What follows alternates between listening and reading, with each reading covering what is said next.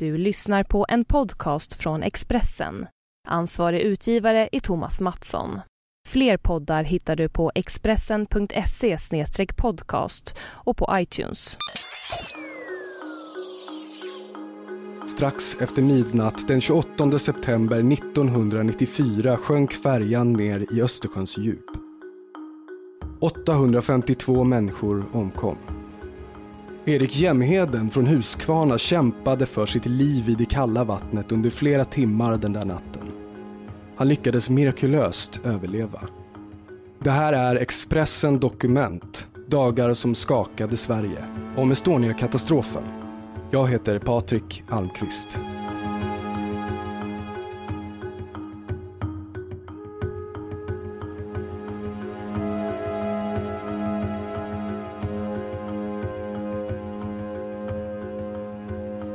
Det lilla samhället Fällingsbro har bara 2000 invånare.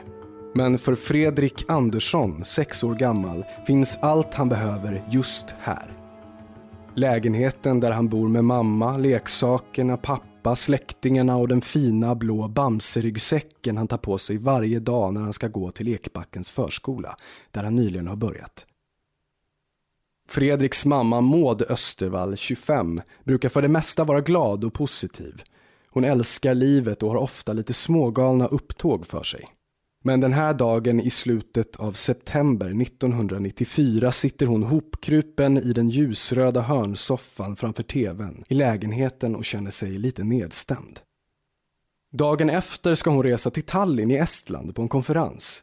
Hon och 30 andra anställda på måltidsavdelningen inom Lindesbergs kommun. Maud jobbar på äldreboendet Brogården i Fällingsbro. Hon lagar maten åt de gamla och trivs bra på sitt jobb. Men nu ska en omorganisering ske i kommunen och Maud och hennes kollegor ska få mer information i samband med en kombinerad konferens och nöjeskryssning till Tallinn. Hennes mamma och lillebror Mats, 15 år, tittar förbi och Maud beklagar sig för dem. Hon är inte alls sugen på att resa iväg, men Mats försöker uppmuntra henne, men Maud känner sig inte övertygad. Erik Jämheden, 23, och hans kompisar från bibelskolan i Jönköping befinner sig i den gamla garnisonsstaden Paldiski, fyra mil utanför Tallinn. De är lyckliga efter att ha arrangerat flera möten med mycket sång och musik i en gammal teaterlokal på orten.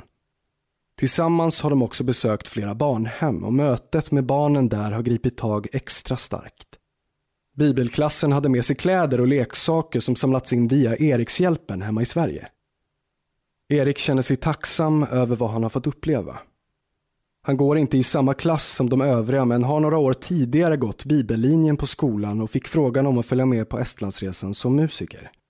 Han är glad att han tog chansen, det är otroligt lärorikt. I lägenheten i Fällingsbro börjar Maud att skriva på sin lista.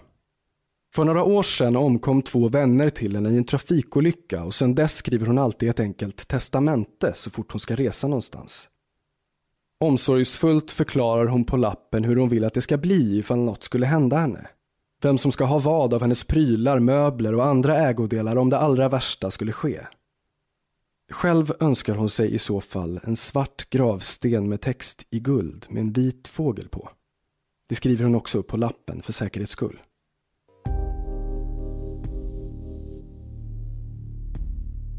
Klockan 8.05 på morgonen den 26 september kliver Maud på bussen utanför Handelsbanken i Fällingsbro tillsammans med de åtta övriga kvinnorna från orten. Då är de övriga 22 kollegorna från kommunens måltidsavdelning redan ombord efter att ha blivit upphämtade på andra orter. Några timmar senare är de framme i Stockholm och hela eftermiddagen har gruppen konferens ombord på Estonia. Kvällen ägnas åt middag och nöjen. På morgonen den 27 september äter de frukost på båten som lägger till vid niotiden. En sightseeingbuss möter i hamnen i Tallinn och Maud och hennes kollegor får titta på några av stadens sevärdheter innan det blir fritid för shopping under eftermiddagen. Klockan 17 är de tillbaka i hamnen och går ombord för en stunds fortsatt konferens innan Estonia avgår.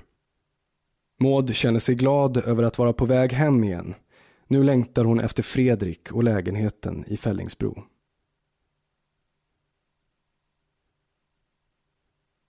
Erik Jämheden har alltid gillat att åka på kryssning men nu, strax före hemresan mot Sverige, känner han sig av någon anledning orolig. På färjeterminalen i Tallinns hamn fylls det på med passagerare redo för att gå på den stora färjan. Ljudet av glada skratt och rullande väskor mot det hårda golvet blandas med högtalarnas information om avgången som närmar sig. MS Estonia lämnar Tallinn kvart över sex på kvällen svensk tid den 27 september. Det är en kvart efter ordinarie avgångstid. Vinden är sydlig, 8-10 meter per sekund. Det regnar. Kommungruppen från Lindesberg avrundar sin timslånga sammankomst i ett av färjans konferensrum och deltagarna går mot sina hytter för att förbereda sig inför middagen klockan 20. Några av dem vill dessutom hinna med lite taxfree shopping före maten. Gänget från bibelskolan börjar med att inkvartera sig i sina hytter. Eriks ligger under bildäck och han känner återigen den där gnagande oron i kroppen. Vågorna rullar där utanför och vädret tycks bli sämre och sämre. Redan då bestämde han sig för att han inte skulle gå och lägga sig den kvällen utan hålla sig vaken och uppe. Han ville inte gå ner dit igen till bildäck. Det blir ett varv i taxfreebutiken innan det är dags för middag. I restaurang Poseidon på däck 6 serveras smörgåsbord som en del elever ur BB-klassen går för att äta. Men Erik och några till tycker att det är lite dyrt och går istället till Café Neptunus en våning ner. Erik väljer en tekaka med köttbullar och rödbetssallad och sätter sig med sina vänner. Även gruppens ledare Leif och Lennart kommer och slår sig ner. Bredvid Café Neptunus ligger Pub Admiral och här stiger stämningen i takt med att kvällen passerar. Karaokemaskinen går för fullt. När gänget från bibelskolan kommer in hälsar underhållningsvärden Pierre Isaksson glatt från sin plats vid mikrofonen. Han känner igen dem från ditresan då han också jobbade. Snart är ett gäng från bibelklassen uppe på scenen och river av några låtar. Gospelklassikern Oh Happy Day gör succé och Erik och hans kompisar får motta glada applåder efter framförandet. Men Erik kan inte riktigt ta till sig av den goda stämningen inne i puben. Han känner sig sjösjuk och vill ut för att få luft. Han lämnar Pub Admiral runt midnatt, ungefär samtidigt som nöjesvärden Pierre meddelar att showen fortsätter en kvart till eftersom att de har så kul. Det gungar rejält nu. Vinden har tilltagit och är nu uppe i 15 20 meter per sekund. Vågorna är 3 4 meter höga. Erik hör att båten slår hårt mot vågorna och glas faller i golvet omkring honom medan han går i riktning mot trapphuset utanför taxfreebutiken. Precis när han ska ta de första stegen upp för trappan så kränger plötsligt hela fartyget till flera gånger och får omedelbart cirka 30 graders slagsida. Alla börjar skrika och han ser människor rusa ut ur sina hytter. En del är nakna. Många blir svårt chockade och panikslagna. Inne på Pub Admiral som Erik just lämnat börjar lösa föremål att fara omkring. En karaoke-monitor på hjul börjar rulla och en bartender får plötsligt mängder av glas och flaskor över sig när färjan kränger till. Hon skriker högt samtidigt som även barstolarna börjar glida på golvet och kylskåpen bakom bardisken lossnar. I andra delen av båten råder också kaos. På kasinot flyger markörer och spelkort tvärs över lokalen och snart tippar även spelborden. Spelautomater lossnar och faller rakt över människor som försöker fly mot räddningen. Klockan är nu runt kvart över tolv på natten och det som har hänt är att Estonias bogvisir har lossnat. Rampen har slitits loss och mängder av vatten strömmar i denna stund in på bildäck. Det vet inte Erik Jämheden då. Han märker bara att han går in i ett tillstånd som han senare ska kalla för stridsberedskap. Erik bestämmer sig för att överleva.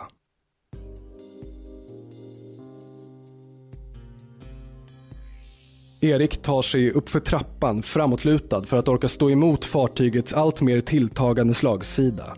Bakom sig hör han hur flaskor i taxfreebutiken krossas när de faller från sina hyllplan. När Erik kommer ut på däck visar det sig att han är en av de första som har tagit sig ut. En besättningsman kastar en flytväst mot honom som han fångar och tar på sig. Klockan 00.22 uppfångas det första nödanropet från MS Estonia av sjöräddningen i Åbo. Nu har alla Estonias fyra huvudmotorer stannat och bara några minuter senare är fartygets hela styrbordssida under vatten. Erik vänder sig om och får plötsligt se en av kamraterna från bibelskolan stående vid relingen. Kamraten ropar på honom och tar tag i hans hand så att han kommer upp dit Erik står. Hans kamrat bestämmer sig för att hoppa. Erik blir kvar en stund vid relingen och väntar tills fartyget har lagt sig ner i 90 graders lutning. Då bestämmer sig Erik för att lämna Estonia. Eftersom färjan ligger ner vid det här laget börjar Erik gå på fartygsväggen som nu pekar rakt upp. En bit bort ser han en livbåt som har fastnat på skrovet.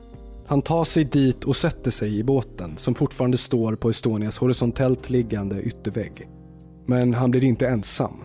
Det kommer många människor och det uppstår trängsel och knuffar. En del är berusade och aggressiva och börjar till och med slåss. Erik försöker skydda sig själv för att inte hamna underst och bli mosad. Folk lägger sig på varandra mer eller mindre. Det är djungelns lag som gäller.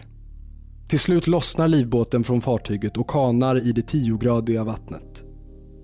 Erik lyckas hålla sig kvar ombord men han upptäcker att livbåten läcker och inser att han måste byta till en säkrare livflotte. Bakom sig ser han en livbåt med tak där han kan få plats. Några hjälper till att dra över honom till den nya flotten.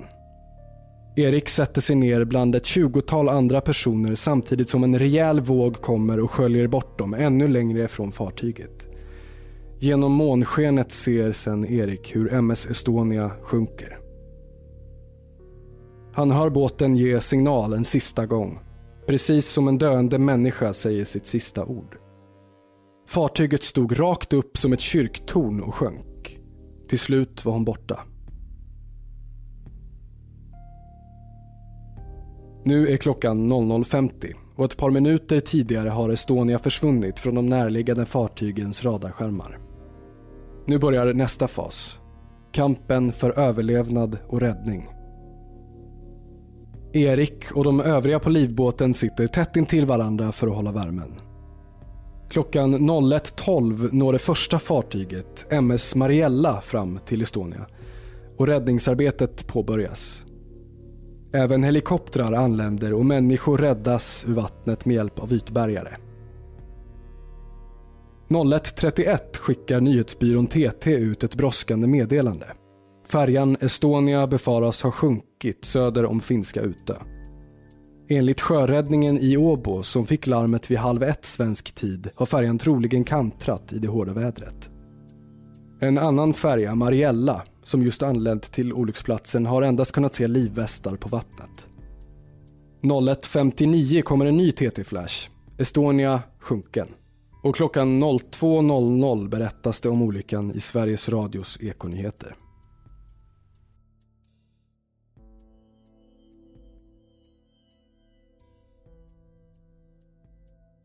Vid samma tid håller avtackningsfesten för den avgående borgerliga regeringen på att avrundas på Rosenbad i Stockholm. Statsminister Carl Bildt informeras om Estonias förlisning via TT-flashen, liksom en rad andra statsråd. Även flera andra nyckelpersoner och myndighetsrepresentanter informeras, liksom akutmottagningarna på Södersjukhuset i Stockholm, Huddinge sjukhus och Karolinska sjukhuset i Solna. Under natten står radion på även hos polisen i Lindesberg. Och efter en av de första nyhetssändningarna om olyckan kopplar nattpersonalen ihop informationen med vetskapen om att en grupp kommunanställda är iväg på en kryssning. Visst var det till Tallinn de skulle åka? Oron sprider sig över Sverige.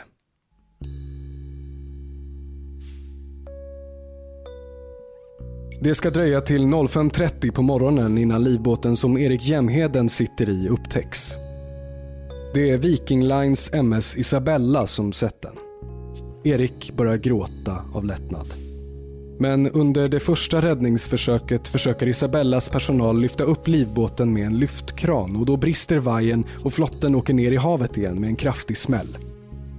Erik åker ur flotten och hamnar med överkroppen under vattnet då tänker han att nu är det slut. Just då tar en räddningsdykare tag i Eriks hand och hjälper honom upp på en ny flotte. En så kallad utrymningsflotte skickad ut från Isabella med en rutschkana på. Liknande en sån som finns för nödsituationer på flygplan. Erik använder sina sista krafter för att ta sig upp till utrymningsflotten. Ombord på Isabella läggs Erik på en bår och bärs till restaurangen som har gjorts om till ett kriscenter. Först nu känner han hur ont han har i kroppen. Och det är som om all rädsla och dödsångest griper tag i honom. Trots att han är räddad är känslan av skräck påtaglig. Han får nu hjälp ombord av Isabellas personal som han idag kallar för änglar. Eriks kroppstemperatur är bara 30 grader när han räddas och han får mycket massage, varm dryck och varma kläder för att snabbt få upp temperaturen. En finsk besättningsman, Marco, börjar prata ishockey med Erik när han får veta att han kommer från Jönköping. Ett lugnande småprat om HV71 som långsamt får Erik att slappna av. Klockan är sex på morgonen och Sverige börjar vakna till den fruktansvärda nyheten om det förlista fartyget Estonia. En av dem är Magnus Östervall, 23 år gammal, som är på jobbet och hör radionyheterna. Han lyfter telefonen och ringer till föräldrahemmet. Mamma Inga-Lill svarar nyvaket. Magnus frågar vilken båt det var som hans syrra skulle åka med. Inga-Lill är först lite osäker. Var det Estonia? undrar Magnus. Ja, det var det nog, svarar Inga-Lill. Magnus Östervall släpper det han har för händer, ger sig ut i den kyliga septembermorgonen och skyndar sig hem till föräldrarnas hus i Fällingsbro. En annan som hör om olyckan via radions morgonnyheter är Kurt Jämheden som befinner sig på fjällvandring i Storlien. Ute råder snöoväder. Han frågar sin hustru om det var kvällen före som deras son Erik skulle resa med en färja från Tallinn till Sverige. Runt om i landet börjar krisstödsarbetet att organiseras. Klockan sju kommer de första anhöriga till akutmottagningen på länssjukhuset Ryhov i Jönköping. Även i Lindesberg, Fällingsbro, Borlänge, Norrköping, Uppsala, Vilhelmina och på en rad andra orter försöker man informera oroliga och förtvivlade anhöriga utifrån den information man har. Kurt Jämheden ringer från Storlien till Estline-terminalen. Han får rådet att komma dit för att få bästa tillgängliga information. Paret tar morgontåget söderut och lyssnar på radions sändningar under hela resan. Tankarna går hela tiden till det värsta tänkbara scenariot och därifrån ofrivilligt vidare till ofattbara saker som begravning och gravsten. När tåget passerar Järpen vid halv tio-tiden ringer mobiltelefonen. Det är sonen Per som berättar att brodern Erik har ringt från färjan MS Isabella. Lättnaden är obeskrivlig.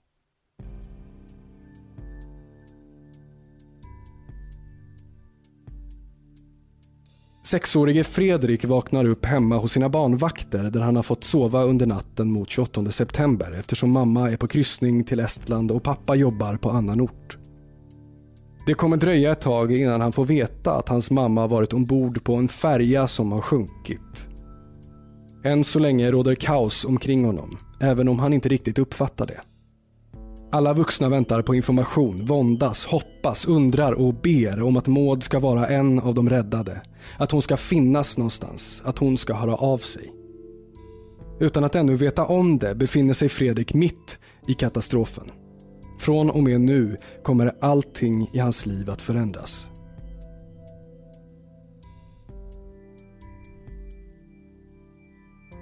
Runt 18-tiden på kvällen den 28 september anländer MS Isabella till Helsingfors med Erik Jämheden och ytterligare 15 överlevande ombord. De transporteras till Maria sjukhus där Erik läggs in för observation. Det visar sig att han otroligt nog inte har några fysiska skador. Någon timme senare anländer även Silja Symphony till Helsingfors med 20 överlevande ombord. Nästa morgon får Erik åka till ett kriscentrum som upprättats på ett hotell i Helsingfors. Här återförenas han med några överlevande kamrater ur bibelklassen. Det blir känslosamt med mycket tårar och kramar. Det ska visa sig att de är sex stycken i gruppen som har överlevt. De andra 15 är borta. Samma dag flygs Erik till Stockholm. Under inflygningen lägger han märke till hur molnen ligger tunga över Sverige och när planet börjar sjunka ser han mängder av flaggor i huvudstaden som vajar på halvstång. Erik förs vidare till Huddinge sjukhus där han återförenas med sina föräldrar. Känslorna är omvälvande.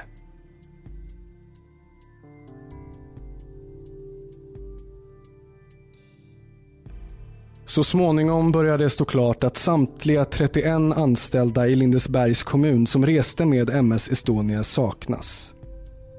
I Fällingsbro, där nio av kvinnorna bodde, blir församlingshemmet Olofsborg livlinan för många anhöriga.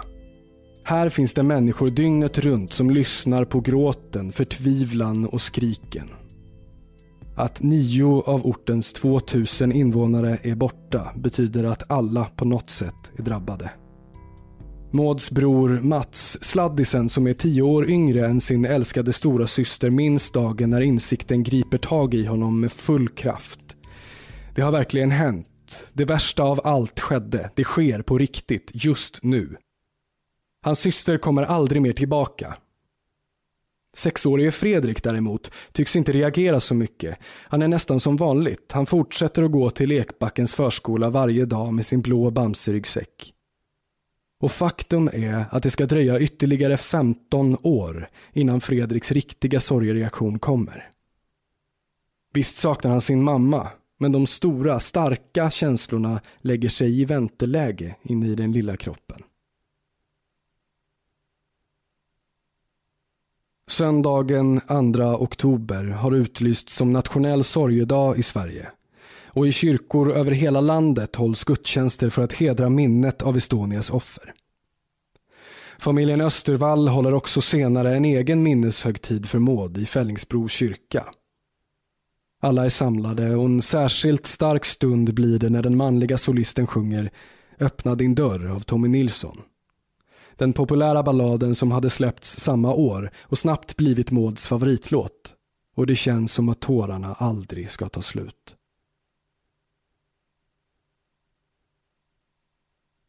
I Jönköping deltar Erik Jämheden på flera gudstjänster som hålls till minne av de 15 saknade kamraterna, 13 elever i bibelklassen och de två ledarna som var med på resan. Samtidigt får han mycket professionell hjälp under den här tiden för den panikångest som han drabbas av. Medan det offentliga Sverige går in i en ny fas med många infekterade diskussioner och strider mellan politiker, myndigheter och anhöriga om vad som ska hända med kropparna och fartyget så fortsätter den enskilda privata bearbetningen runt om i Sverige.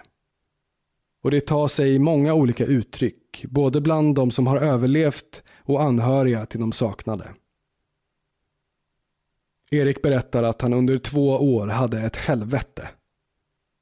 Han fick berättat för sig att det handlade om posttraumatisk stress, ungefär som soldater som varit med i krig kan drabbas av. Panikattackerna fortsatte. Han hade svårt att sova och kunde inte känna dofter. Men han fick fantastisk hjälp och det kommer han alltid att vara tacksam för. Det gjorde att han kunde ta sig tillbaka till ett ganska normalt liv, även om det tog lång tid. I september 2009 åkte Fredrik Andersson, då 21 år gammal, till Fällingsbro kyrka och la ner en krans på kyrkogården till minne av sin mamma. Här finns både Mauds privata gravsten och den minnessten som sattes upp till minne av alla de nio kvinnorna från orten som omkom i och med Estonias förlisning. Efteråt åkte familjen till Lindesbergs kyrka där en minneshögtid hölls. Fredrik satt i kyrkbänken och var helt oförberedd när reaktionen kom. Kroppen började skaka och tårarna rann. Han kan inte minnas att han hade gråtit något tidigare över att mamma var borta. Men nu var det som att allting kom på en gång. Idag inser han att han minns väldigt lite från de tio första åren efter att mamma försvann. Det mesta är svart. Han vet inte vem han var då. Men när han satt där i kyrkan på 15-årsgudstjänsten så var det som att han vaknade upp. Idag är det här en plats som han gärna åker till, berättar Fredrik. Han trivs med att vara där och fundera över livet och känna sig nära sin mamma. Han går fram till gravstenen. En svart sten med text i guld och en vit duva ovanpå. Fredrik berättar att livet har blivit bra trots allt. Han bor i Lindesberg några mil från Fällingsbro tillsammans med sambon Isabelle och lever ett aktivt liv med flera förtroendeuppdrag vid sidan av sitt ordinarie jobb som linjeoperatör och truckförare vid Kopparbergs bryggeri. Samtidigt med sorgen och saknaden väcktes också en stark vilja om att få veta mer om vad som egentligen hände under natten mot den 28 september 1994. Både Fredrik och Mats har läst mycket om Estonia. Vittnesmål, teorier, tidningsklipp, sett filmer och lyssnat på radioinslag. Hela familjen saknar en fullständig utredning från myndighetshåll om Estonias öde och är som många andra anhöriga kritiska mot haverikommissionens utredning från 1997. Fredrik startade även en Facebookgrupp om Estonia där de som vill kan ventilera sina egna tankar och teorier och visa sitt stöd. Han vill inte att Estonia glöms bort, säger han. Han vill veta vem som mördade hans mamma. Det är så han ser på det. Han kommer aldrig tro att det var en olycka. Att de frågetecken som finns i ett öppet sår för honom blir tydligt när han efter en stund fortsätter att berätta. Lugnt och sakligt om alla trådar och fakta i historien som han inte får ihop. Om allting som han undrar över. Han säger att det finns inte en chans att färjan skulle ha kunnat sjunka så snabbt av sig själv. Det hände något den natten som vi inte fått veta, fortsätter Mats. Fredrik nickar. De var båda barn då, när Maud togs ifrån dem. Sonen Fredrik 6 år och hennes bror Mats 15 år. Nu är de vuxna och vill ha svar på frågorna de inte kunde ställa då. Erik Jämhedens liv fortsatte framåt efter de första tuffa åren. Mycket tack vare musiken och hans kristna tro. Han spelar fortfarande klaviatur, precis som under resan till Estland med bibelklassen.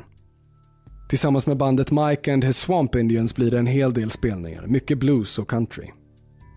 Erik har också föreläst några gånger om sina erfarenheter från Estonia och om krisbearbetning. Han jobbade som undersköterska under några år och trivdes med det efter katastrofen så hade han en stark känsla av att han ville hjälpa andra. Men sviterna från traumat på Östersjön finns fortfarande kvar inuti honom. 2010 drabbades Erik av utmattningssyndrom och slutade inom vården. Han var tvungen att inse att han inte klarade att hantera för mycket stress. Att han har blivit mer känslig som person och orkar inte med samma saker. När någon annan katastrof inträffar, som tsunamin i Sydostasien, så väcks mycket starka känslor inom honom. Erik berättar att han var sjukskriven en period och nu har börjat ta sig tillbaka till arbetslivet genom en tjänst på Hela Människan, RIA i Jönköping, som arbetar med socialt diakonalt arbete. Han säger att han ibland kan uppleva att omgivningen har svårt att förstå hur Estonia-katastrofen kan påverka honom så mycket fortfarande, 20 år senare. Han som dessutom överlevde.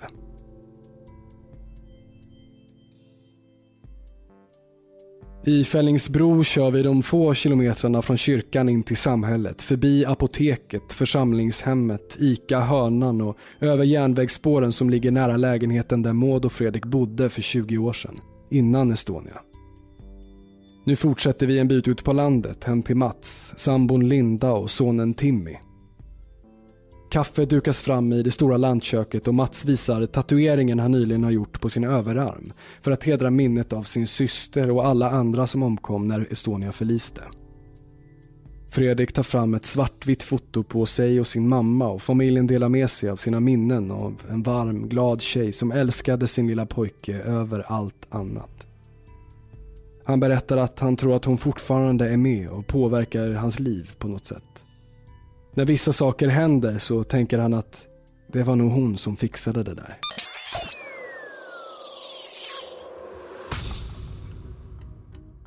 Du har lyssnat på en podcast från Expressen. Ansvarig utgivare är Thomas Mattsson. Fler poddar finns på Expressen.se och på iTunes.